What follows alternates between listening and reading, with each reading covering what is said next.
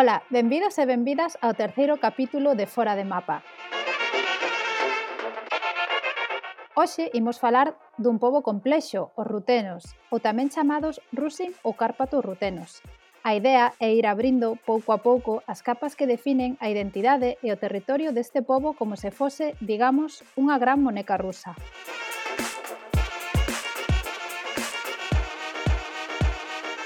Pasaremos do gran territorio que foi na Idade Media o que hoxe en día é Rutenia. Sabemos que é un concepto difícil e esperemos que non nos maten os historiadores porque pode que cometamos algunha imprecisión. Como xa sabedes, a idea deste podcast é achegar povos e minorías ou rexións eh, pouco coñecidas de Europa nun formato non académico. E en casos como este, especialmente, nos quimos falar dun povo moi extenso en todo o seu significado, estou seguro que quedarán cousas por contar. Música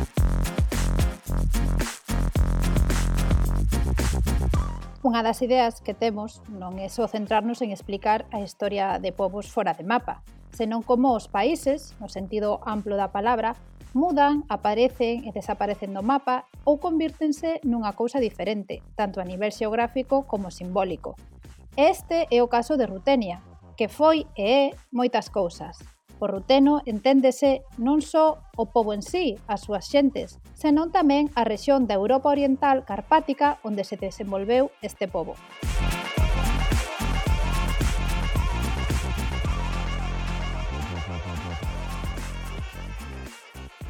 A historia de Rutenia comeza na Idade Media.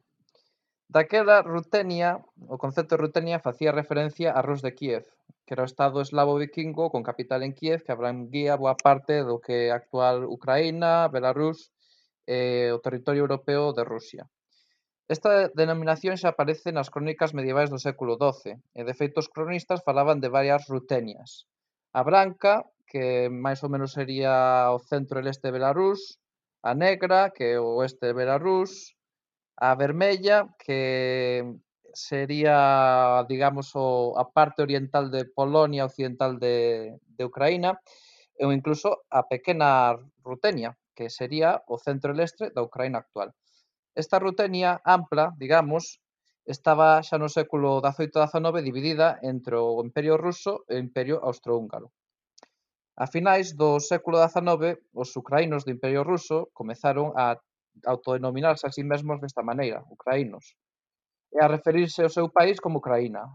E abandonaban así outras denominacións como pequenos rusos que non lles prestaban. E non me extraña porque non debe morar que te chamen rusito ou pequeno ruso. No Imperio Austrohúngaro, pola contra, aínda se usaba a denominación ruteno para nomear as xentes eslavas e non polacas da Ucraína austrohúngara. E até esa zona chegaron tamén as ideas nacionalistas ucraínas e a élite ucraína desta parte do Imperio Austrohúngaro tamén comezou a usar esa forma para autodenominarse.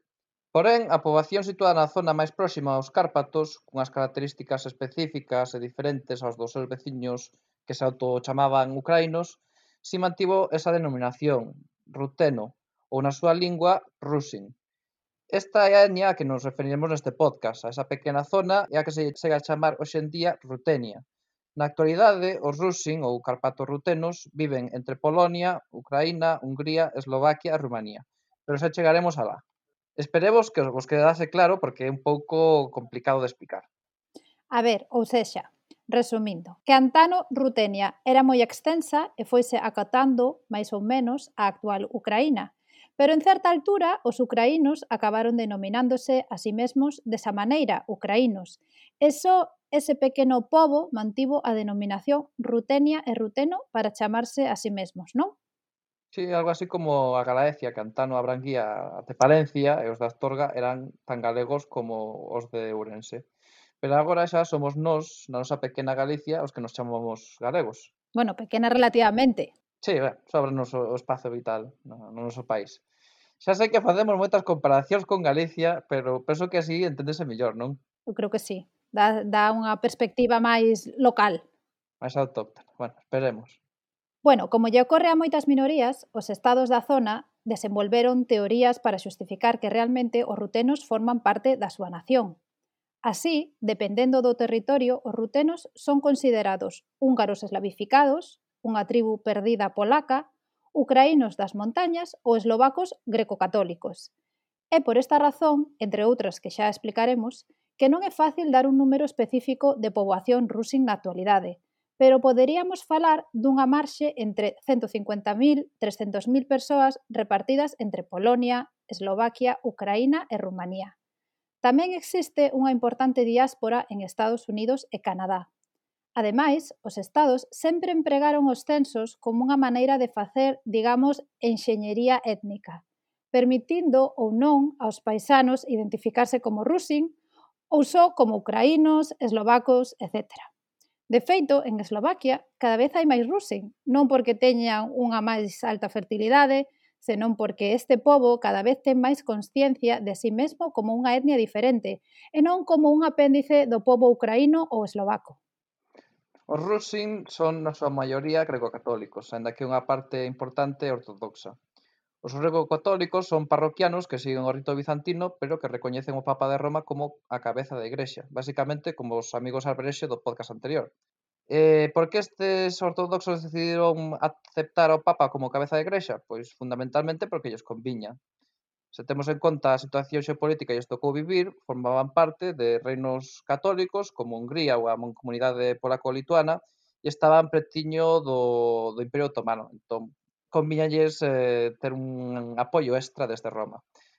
Hoxe en día pertencen fundamentalmente a tres divisións, a Igrexa Greco-Católica de Ucraína, a Igrexa Greco-Católica de Eslovaquia, que teñen a súa orixe no século XVI a XVII, E a terceira destas divisións é a Igrexa Católica Rutena, que tense en Pittsburgh, Estados Unidos, onde vive a maior parte dos descendentes dos Rusin emigrados no século XIX e XX.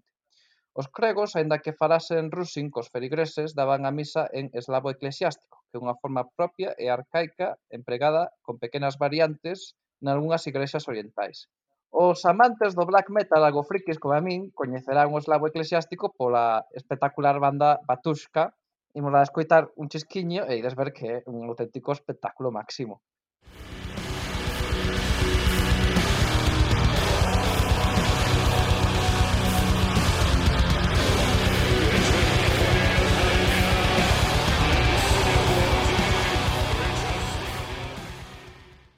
Por certo, un elemento moi importante da cultura rusin son as súas fermosísimas igrexas feitas de madeira, que son patrimonio da humanidade, e que podedes atopar por toda esa zona. Se xa a rexión é o espectáculo, pola súa naturaleza e, e vilas, visitar estas igrexas é un aliciente máis para facer un road trip polo sudeste de, de Polonia ou o leste de Eslovaquia. Pois nada, cando abran as fronteiras iremos. Se Dios lo quere. A sociedade Rusin era eminentemente rural e fundamentábase na agricultura e gandería transhumante de vacas e, sobre todo, ovellas. Migraban no verán cogando ás zonas altas e no inverno aos vales, Ademais, co fin de obter algúns cartiños extra, tamén emigraban periódicamente para traballar nas fincas de propietarios húngaros ou polacos. E outra actividade importante era a venda de petróleo, que brotaba na zona de maneira natural. Hoxe en día é bastante fácil ter unha idea de como vivía este pobo, xa que tanto no sudeste de Polonia como no noreste de Eslovaquia hai varias aldeas museo que mostran construccións civís e religiosas tradicionais deste pobo, E tamén, se ides por ali, visitadelle estes museos que valen moito a pena. Valen, valen. A que non sabías, por certo, que a grandísima Ruslana, gañadora de Eurovisión en 2004 con Ucraína, inspirouse nos bailes desta xente para a coreografía de Wild Dances. Pois non, non sabía, non tiña nin idea. E a que non sabías que aquela que cantou en Eurovisión hai 5 ou 6 anos cun, cun bailarín metido nunha roda de hámster tamén era Rusin pois tampouco acórdome do bailarín, do bailarín ese metido na, na roda esa rara, pero, pero non tiña nin idea, non. Así que, bueno, xa que falamos de Eurovisión e de Ruslana, ben merecen, que a nos gustanos moito, pois un pequeno revival eurovisivo. Así que escoitamos a Ruslana e a súa canción Danzas Salvaxes. Danzas Salvaxes.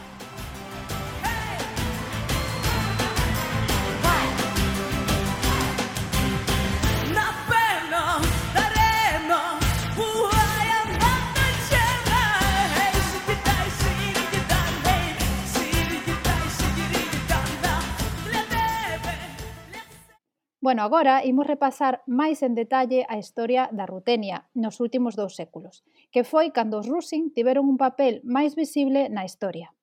Un papel un pouco pasivo, de víctima, pero ben visible. As crónicas de finais do 19 describían a zona como a máis pobre e civilizada, entre aspas, do Imperio Austrohúngaro, chea de miseria e de xudeus. Notese o antisemitismo de moitas destas crónicas. E obviamente esta miseria empuxou a Rusin a abandonar os vales dos Cárpatos e a buscar unha mellor vida nos Estados Unidos e Canadá. A metade do pobo emigrou antes da Primeira Guerra Mundial fundando alá organizacións culturais e benéficas, xornais e, como xa dixemos, unha igrexa propia. Existiu un gran activismo en América para manter viva a cultura rusin. De feito, un destes descendentes, eh, rusin eslovaco, en Estados Unidos, fixo globalmente coñecido. Foi o artista Andy Warhol, Os que quedaron verían como pouco a pouco se iban degradando moitas zonas da Rutenia que se iniciarían de pozos de petróleo, xa que estas terras eran a principal productora deste material no Imperio Austrohúngaro. A industria nesta zona chegou a ser tan importante que a principios do século XX era a cuarta maior área productora do mundo.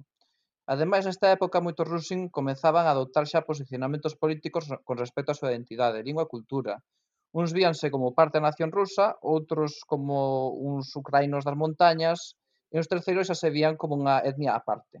E con isto chegamos á Primeira Guerra Mundial, onde o país do Rusin se convirte nun territorio moi castigado polas ofensivas e contraofensivas rusas e xermano-austrohúngaras. A rexión cambiou de mans varias veces e a terra inzouse de mortos locais, mas tamén rusos e alemáns de todas as nacións do Imperio Austrohúngaro como bosnios, italianos ou eslovenos. Estes episodios da guerra están moi ben narrados por Paulo Rumitz no seu Come cabalo que dormo no impiedi. Nese libro, o autor narra a visita a algún dos 400 cemiterios militares na zona e a historia dos italianos que loitaron polo emperador Francisco Xosé I neste conflito. Durante a Gran Guerra, moitos rusin foron deportados a Austria e internados en campos de concentración porque o goberno austrohúngaro vía a boa parte desta minoría como unha quinta columna favorable ao Imperio Ruso. Se aterrastes en Graz algunha vez, pasaríades polo principal campo de concentración, o de Talerhof, xa que o aeroporto desa cidade foi construído por riba. Por ese campo pasaron 20.000 persoas e varios miles de prisioneiros morreron nel. Tras a guerra e até o final da década dos 10 a zona converteuse nun auténtico caos. Xurden novos estados na rexión como Polonia, Hungría, Checoslovaquia, dúas repúblicas ucraínas diferentes, unha na parte austrohúngara e outra na do Imperio Ruso, e pola súa parte Rusia está a sufrir a súa guerra civil. As fronteiras destes novos estados aínda estaban por definir e moitas veces os incipientes gobernos destas nacións decidiron que a mellor maneira de establecer esas fronteiras era coas armas. Os Rusin, de maneira espontánea aproveitaron a situación para proclamar tres repúblicas co fin de protexerse contra esta anarquía xeneralizada na zona e reclamar as súas reivindicacións. Dúas destas repúblicas proclamáronse no sur da actual Polonia, a República Popular Lenko-Rusin, que tiña por obxectivo a unión a Rusia, e a República de Comancha, que pretendía unirse a Ucraína. A terceira delas xurde na fronteira entre Rumanía e Ucraína, a República Hutsul, que pretendía rexeitar a ocupación húngara ou rumana para unirse a Ucraína. Bueno, o de Europa Oriental nesa época era de tolos, porque había un completo vacío de poder e ainda estaban por establecerse os estados-nación e as fronteiras. Estas repúblicas, como vos digo, duraron uns mesiños, até que esta resucitada Polonia e recén creada Checoslovaquia puxeron orde nos respectivos territorios que lle foron otorgados polas grandes potencias. Como podes ver, entre os propios Rusin había varias correntes, rusófilos, ucrainófilos, eh, os separatistas ou autonomistas Rusin a secas, e todos eles tentarán construir con pouco éxito as súas repúblicas. Como comentábamos, houbo durante meses unha república lenco-rusin e outra hutsul. E que é iso de lenco e hutsul? Pois son subgrupos dentro dos rusin. Os primeiros, os lencos, viven maiormente no sur de Polonia, ao redor das vilas de Sanok ou Krosno, Sí, sitios moi bonitos, recomendo visitalos e eh, están moi ben conservados. Por outra banda, os Utsul viven na fronteira entre Rumanía e Ucraína. Ademais dos Lencos e Utsul, para facer a cousa un pouco máis complicada aínda, pois existen outros dous subgrupos nas fronteiras entre Polonia, Eslovaquia, Ucraína, Hungría e Rumanía, os boicos e dolinians, aos que apenas separan unhas mínimas diferenzas cos anteriores. Sí, en xeral, polo que teño lido, estes catro subgrupos identifícanse a si sí mesmos como Rusin e Xa Chega. Mellors, porque con sí, tanto mellor. nome toleamos. Eh, bueno, o período de entreguerras foi unha época máis tranquiliña. Co establecemento dos estados, os rusins quedaron divididos, maiormente entre Polonia, a URSS e Checoslovaquia, que antano era máis longa. Estes tres países trataron aos rusin de diferente maneira. En Polonia eran recoñecidos como minoría en boa medida para debilitar e contrapoñela á minoría ucraína. Esta vivía no sudeste do país e era vista como unha ameaza á unidade de Polonia, xa que a poboación ucraína era bastante importante nesa zona. A URSS non recoñecía aos Rusin e concebíaos como simples ucraínos dos vales e montañas. Por último, Checoslovaquia, pola contra, si recoñecía unha certa autonomía a este pobo na provincia de Subcarpatia. Foi esta provincia a Rutenia subcarpática a que protagonizou unha efémera independencia de menos dun día, o 15 de marzo de 1939. Ese día, o Estado checoslovaco, o que quedaba del, desapareceu ao ser enculido pola Alemania nazi. E os eh, rusin da zona, da Rutenia subcarpática, aproveitaron o momento para declarar a súa independencia e buscar a protección da, das potencias da zona. Pero o réxime filofascista húngaro do mariscal Horthy pois aproveitou a conxuntura para invadir ese territorio, anexionalo e de paso pois xa reprimir a identidade rusa. A vida desta efímera república está contada nun dos capítulos do magnífico libro Vanished Kingdoms de Norman Davis. Eh, está traducido a portugués e ao castelán, por certo, co nome de Reinos Desaparecidos. A Segunda Guerra Mundial supuxo un grave trauma para o povo rusin, pola destrucción causada e a perda de vidas. Unha das batallas máis importantes da guerra, a do paso do Dukla, no sur de Polonia, xusto se deu nas súas terras. A esta destrucción hai que sumarlle a iluminación física dos seus paisanos xudeos e Roma, cos que conviviron durante séculos e que formaban parte da identidade local do país. Tras a Segunda Guerra Mundial, os rusos continuaban divididos entre Polonia, Checoslovaquia e a Unión Soviética, que se anexionou a provincia de Subcarpatia ou Transcarpatia, dependendo de, de que prisma se mire, é o norte da Bucovina, que é unha rexión situada entre Ucraína e Rumanía, para poder así ter acceso ás chairas de Hungría. Neste período posterior á Segunda Guerra Mundial é cando suceden dous feitos críticos para os Rosin de Polonia. O primeiro é un intercambio de poboación eh, entre Polonia e Unión Soviética relativamente voluntario que se deu entre o 44 e o 46. Neste, algúns rusin marcharon para a Unión Soviética e algúns polacos da Unión Soviética foron para Polonia. O segundo xa non foi tan pacífico, tivo lugar no 47 e foi cando os rusin polacos foron obrigados a abandonar os seus territorios á forza na Operación Vístura. Na zona na que vivían os rus eh, polacos operaba o exército insurrecto ucraniano que loitaba contra o réxime comunista, tanto soviético como polaco. Os líderes comunistas de Moscova e de Varsovia pois decidiron esmagar esta guerrilla expulsando a toda a poboación desa rexión, tanto se colaboraban con estes guerrilleiros como se non.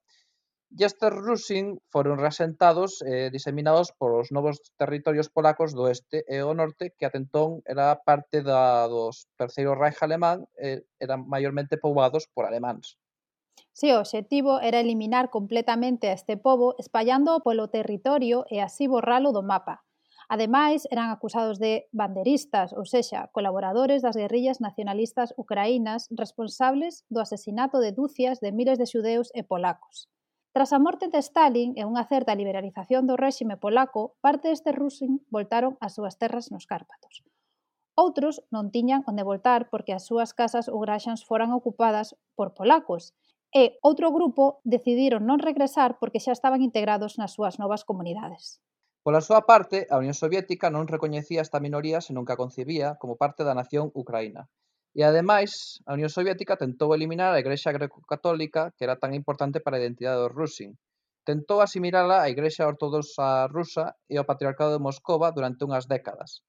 Iso sí, os Rusin podían organizarse para crear as súas bandas de coros e danzas tradicionais e actuar en festivais folclóricos. Básicamente, reducías a súa cultura, a identidade e a folclore pintoresco e inofensivo. O sea, bailar sí, pero pensar non. Escoitamos agora a un patriota local falando en Rusin precisamente disto, de como a identidade Rusin se reducía a unha mostra de folclore nesa época, que despois, obviamente, traduciremos. E, choć dajmy na to, mm, na podkarpackiej Rusy mali na miejsce e, eh, wszystkie eh, eh, swoje oseredki, kultury, tak Użhorod na Підкарпатській Русі, то на словенсько Пряшів. Треба повісти, що коли зась na slovensku вічно був folklor, folklor, folklor, був ансамбль... As Subcarpatias sempre tivo os seus centros culturais propios, por exemplo, Ushhorod na parte ucraína ou Prešov aquí en Eslovaquia.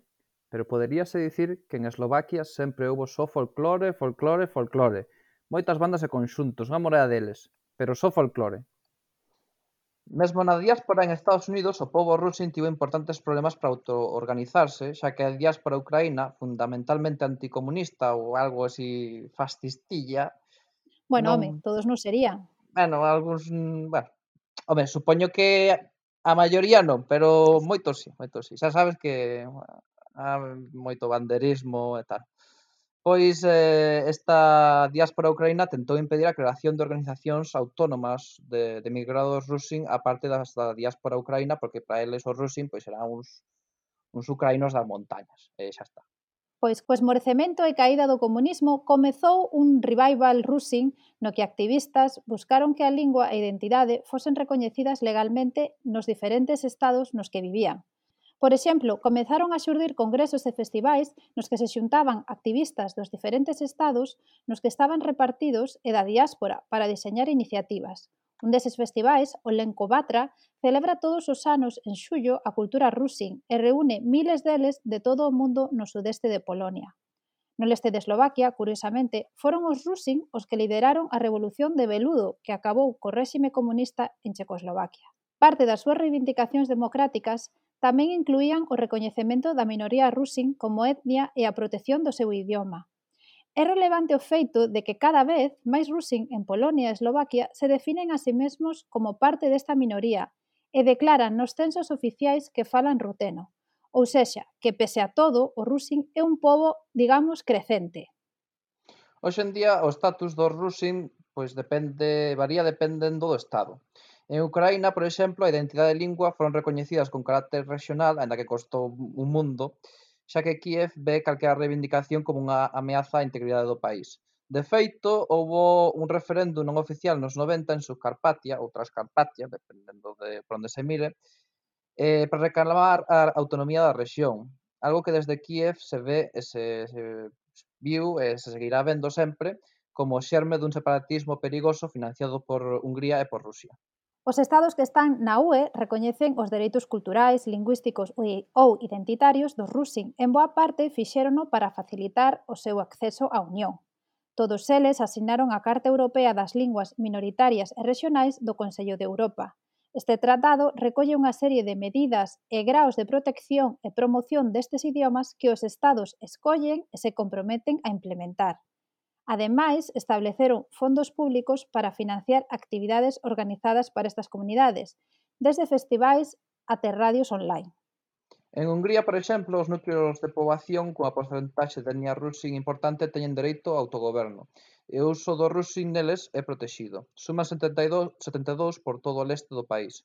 En Polonia ou Eslovaquia, a lingua pode ser empregada de maneira limitada en áreas como educación e administración, Hai unha cátedra de Lingua e Literatura Rusin nas universidades de Cracovia e Prešov e o Estado ademais comprométese a promover medios ou actividades culturais neste idioma.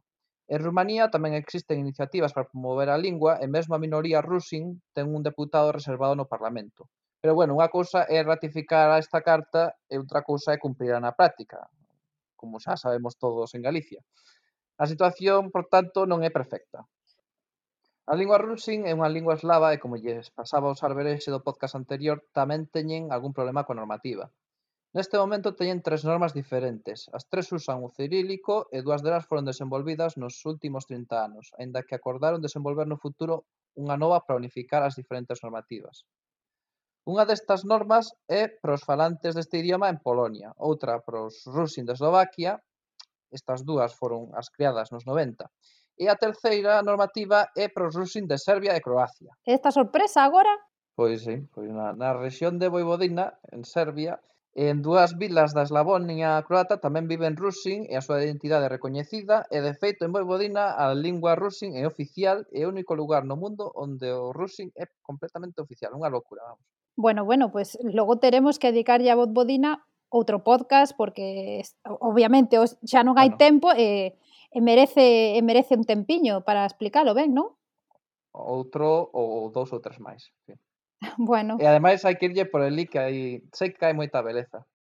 Neste terceiro capítulo temos a sorte de contar coa testemunha de Victoria, Vica para os amigos, unha filóloga polaca de Cracovia asentada en Santiago de Compostela desde hai máis de 10 anos e que fala, como escoitaredes, un perfecto galego. Tivemos unha interesante conversa sobre a situación dos Rusing en Polonia, como son vistos pola sociedade en xeral, falounos da realidade das linguas minoritarias en Polonia e de diversos episodios da historia que teñen aos rusin como protagonistas. Escoitámola. Oh, realmente en Polonia, os que se recoñecen como minorías nacionais son, por exemplo, representantes dos nosos veciños, así minoría alemá, rusa, checa, esas teñen o seu lugar ali recoñecido, incluso a minoría alemá ten unha pequena representación no Parlamento. E logo está a cuestión, digamos, destas minorías mm, étnicas, ou seja, bueno, etnias ou nacións que non teñen, non teñen país propio. Non? Eh, por exemplo, ali está a cuestión dos, dos ciganos ou tártaros ou bueno, os propios xudeus están ali, digamos, recoñecidos e os rutenos tamén entran como minoría étnica. É unha legislación que, que ben, que creo que se cumpre únicamente nos casos nos casos de nacións que, que dispoñen de estados, pero logo na práctica no ensino público ou tal non, non se vai moito pola normalización ou sí, doutras, doutras linguas. Que tamén é un poquinho ese, ese sentimento de Polonia como unidade que eu supoño que nos ven desde, desde os finais da Segunda Guerra Mundial, cando, digamos, se tentou casi artificialmente impoñer de que non, non, non, somos polacos, falamos polaco e eh, de, de feito é algo, é algo tamén fácil de propagar no sentido de que sempre sempre falamos dos nosos inimigos históricos como Alemania ou, ou Rusia, entón digamos este momento histórico no que tivemos que protexer o polaco cando estábamos repartidos e tivemos que proteger polaco ante a xermanización ou rusificación, ali encaixa moi ben para que todos se volvan defensores do polaco e esquezan o, o, o, o ainda máis minoritario. Existen resistencias á aplicación desta legislación por parte de partidos políticos ou de grupos sociais? A verdade é que o, o, o único partido que político que vin justamente mm. foi o partido silesiano que, que foi un poquinho foi un poquinho contra, se o RAS, exactamente. Eh, pero a nivel de, de, de partidos, digamos, non regionais, eu creo que antes antes das últimas eleccións que fume fun lendo programas un poquinho porque claro, eu, eu sigo podendo votar en Polonia. E así estive buscando justamente sobre todo porque um, un pouco esperas dos partidos da, da esquerda, non? Esperas que estean un pouco máis concienciados con este tema, pois únicamente vin unha pequena mención no, no partido de Rasem, o partido Xuntos, e ali vin unha pequena mención a reconhecimento de, de, de minorías lingüísticas, pero é verdade que é un tema que non sei, non está tan presente en Polonia como como está en comparación con España é un abismo falabades dos partidos políticos, pero en xeral entre a poboación existe unha visibilidade das minorías, a xente coñece quen son os lencos ou rusin. Hmm. Moi pouco. Eu a verdade que diría que se non son precisamente desas terras, prácticamente é un tema que, que, que se fala pouco. Mencionas unha vez nas aulas de historia e pouco máis. Non, sí, a verdade que eu diría que un polaco medio, sobre todo dunhas zonas onde non existe ningún conflicto lingüístico ni étnico, non tende a, a saber. Eu lembro algunha cousiña da miña infancia porque porque pasamos unhas vacacións ali en, por Biestade, pola zona de Biestade, e lembro a miña nai explicándome esa historia. Entón, eu, por exemplo, os Lemco sempre souben que os Lemco ah, eran eses que, que existían e que casi os exterminaron e xa non existen máis. E era un poquillo a, a memoria que tiña da miña infancia e, e supoño que calquera polaco vai dicir o mesmo ah, sí, sí, eran, sí, sí, había estes, pero xa foron exterminados, xa non os hai. Entón, o polaco medio coñece a traxedia da Operación Vístula é algo que se estuda ou que se coñece de alguma maneira. Sí, sí, mencionase nas aulas de historia, ben, polo menos eu, eu estive nunha sí, nunha clase de humanidades, entón ali sí que se, sí, sí que se menciona, pero agora pasado algún tempo, cando, cando comecei a reflexionar un poquinho sobre bueno, a versión de historia que estudamos en Polonia, claro, digamos, en, sí, en Polonia encántanos a martirología, digamos, de, de base, sí, somos muy de, ay, cómo sufrimos, ay, cómo sufrimos, ¿no? En la Segunda Guerra Mundial, cómo sufrimos entre Alemania, Rusia y tal. Mm, entón, digamos que logo hai acontecementos un pouco máis incómodos para a nosa historia, é como que mm, hai que mencionalos na aula de historia, pero dunha maneira para que non se entenda que, que, que, que estivemos do outro lado, que, que, non, que non sempre fomos as víctimas, pero que ás veces fomos tamén verdugos. Mm. E a día de hoxe existe un recoñecemento oficial por parte do goberno, unhas disculpas oficiais por parte do goberno polaco con respecto a isto? Sí que lembro un encontro de, de Lech Kaczynski, o difunto expresidente, con Viktor Yushchenko, o presidente de Ucrania daquela, e sí que se fixeron como unha especie de disculpas oficiais, bueno, tanto, tanto pola operación Vístula como pola, pola traxedia de Boliña de, do ano 43.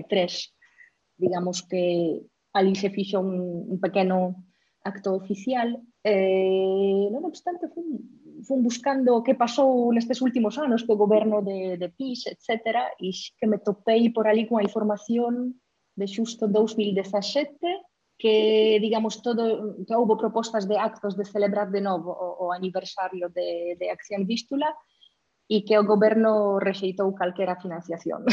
o cal a cousa vai un poquinho empeorando, sobre todo porque presentemente mm, en Polonia temos bastante migración ucraniana. Viñeron nos últim, na última década viñeron moitísimos ucranianos a, a, a traballar en Polonia e supoño que por un lado mm, estaría ben que fixéramos digamos, un, unha reconciliación, un reconocimiento de, de culpas por ambos lados. Non que se esquecera, porque a historia nunca se debe esquecer, pero pero un poquinho para que as próximas xeracións non, non cometan os mesmos erros. Polaco, polaco medio ten estereotipos contra os lencos. Pois non, non, por parte de, de, de polacos contemporáneos non, non existe ningún estereotipo, porque está como o tema moi moi esquecido. O sea, hai estereotipos canto os ucranianos e o único que, que queda do, dos Lemko, eu diría que simplemente é unha lembranza de que existiron. Pero máis alá, máis alá disso non, eu creo que a xente non se... A non ser que xa se interese especificamente polo tema, non existe ningún estereotipo pero claro, tamén o, o problema residual no sentido tamén que o resto dos polacos eh, veo como algo moi folclórico e víano como unha atracción folclórica, pero, pero non se vía esa, esa identidade máis alá, destes, de, de algo tan banal. En Polonia, ademais, tes o problema da, da transferencia de poboación, de xente que marchou ou desapareceu ou foi desaparecida como xudeus. Sí, sí, sí, totalmente, totalmente. Por iso, digamos que esa desaparición das linguas foi bastante sinxela, porque moveronse Mm, aldeas enteiras, de, sobre todo de este, del este a oeste. Mm, sí, todo, toda la zona de, bueno, que nos llamamos de Crece, toda zona, bien, que antes, antes de la Segunda Guerra Mundial pertenecía a Polonia, esa parte de Ucrania, Bielorrusia de hoy, fue movida para as así chamadas terras recuperadas, que antes pertenecían a Alemania. Entón, claro, por un lado, sacaron todos os alemáns dali, desa, desa, desa faixa recuperada por Polonia, metéronos para dentro de Alemanha, ali ben, porque ali digamos que se unificaron, pero despois, claro, toda a poboación que era ucraíno ou bielorruso parlante ou, ou caso de Rusin.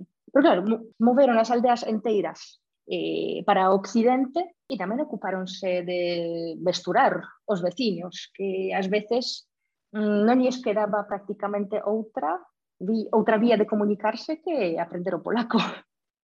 E con isto chegamos ao final. Como vedes, un topónimo ou mesmo o nome dun pobo pode variar e significar unha ou varias cousas. Ademais, o Rusin comparten moitas cousas con outros povos minorizados. O drama de migración, o xurdimento dunha diáspora potente e ben organizada, problemas para codificar e normalizar o seu idioma ou directamente a asimilación noutras nacións máis grandes como a Ucraína pero tamén un certo resurdimento nacido da sociedade civil. Epa, pa, pa, pa. Non nos podemos despedir sen antes mencionar algo esencial deste pobo que trouxo tantísima alegría e placer a miña a vida. A ver, a ver, que es... Os rusquies, os ruski pierogis ou pierogis rutenos, unha especie de raviolis recheos que son moi moi populares en Polonia. Estes están recheos de requeixo e pataca e sirvense normalmente con panceta, touciño e ce... bueno, eu botolle cebola, non estou seguro se os polacos tamén, pero eu botolle cebola. E son un espectáculo. E probablemente está cheo de calorías, pero prestan que mete medo. Tú que vives ali en Londres, seguro que terás algunha tenda polaca pola zona e poderos ir comprar. Eh, probados. Pois sí, eh, non tendas no supermercado sempre hai así unha parte con con produtos polacos. Pois pues mira, así que... xa sabes que probar sí, sí. Pois nada, agora vou ao supermercado e voulle comer uns ruski pierogi para, para celebrar a cultura rutena. Eu xa non quero outra cousa.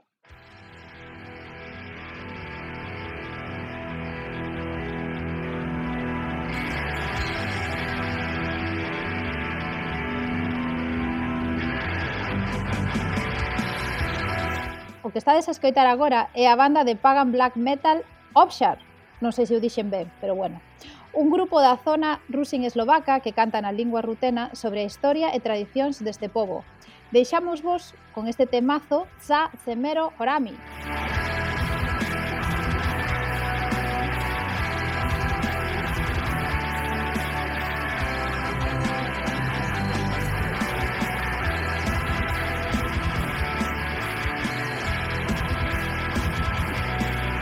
Pois cos Ruski, Pierogi e o black metal Rusin poñemos punto final a este repaso ao paixoante mundo ruteno, que é, sen dúbida, un dos povos máis poliédricos que moran en Europa. Esperamos, como a sempre, que vos prestara. No próximo capítulo imos falar dos frisios, povo que habita nas terras de Frisia, no norte dos Países Baixos, en algunhas áreas de Alemanha. Sí, é un con cunha historia máis tranquiliña, non? É que viviu menos tragedias. Menos mal, non? Bueno, que os, os rusín son como unha montaña, a montaña rusa das minorías. Bueno, tamén os romanos lle chega ben, eh? E xa sabedes que podedes contactarnos, deixarnos os vosos comentarios e as vosas suxerencias nas nosas redes sociais, eh, no Twitter, no Facebook e no Instagram. Até a próxima. Lisbo home.